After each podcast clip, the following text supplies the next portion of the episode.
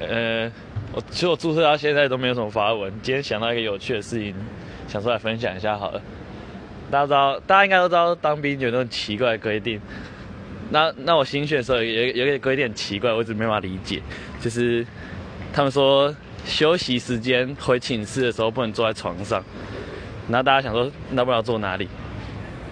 那当当兵的时候有个小板凳，大家回寝室的时候拿那个小板凳拿出来，把它放在地上坐，就很麻烦。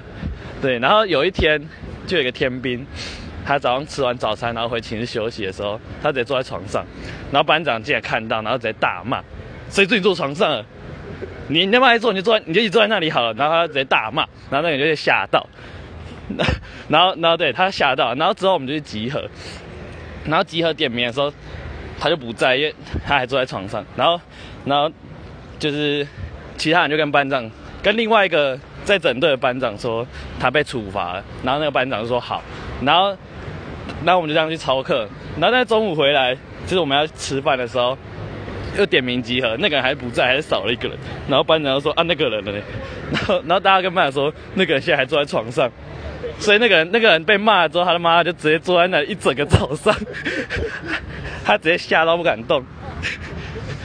然后大家就直接大家直接狂笑。因为那个，因为那个人就直接被骂之后，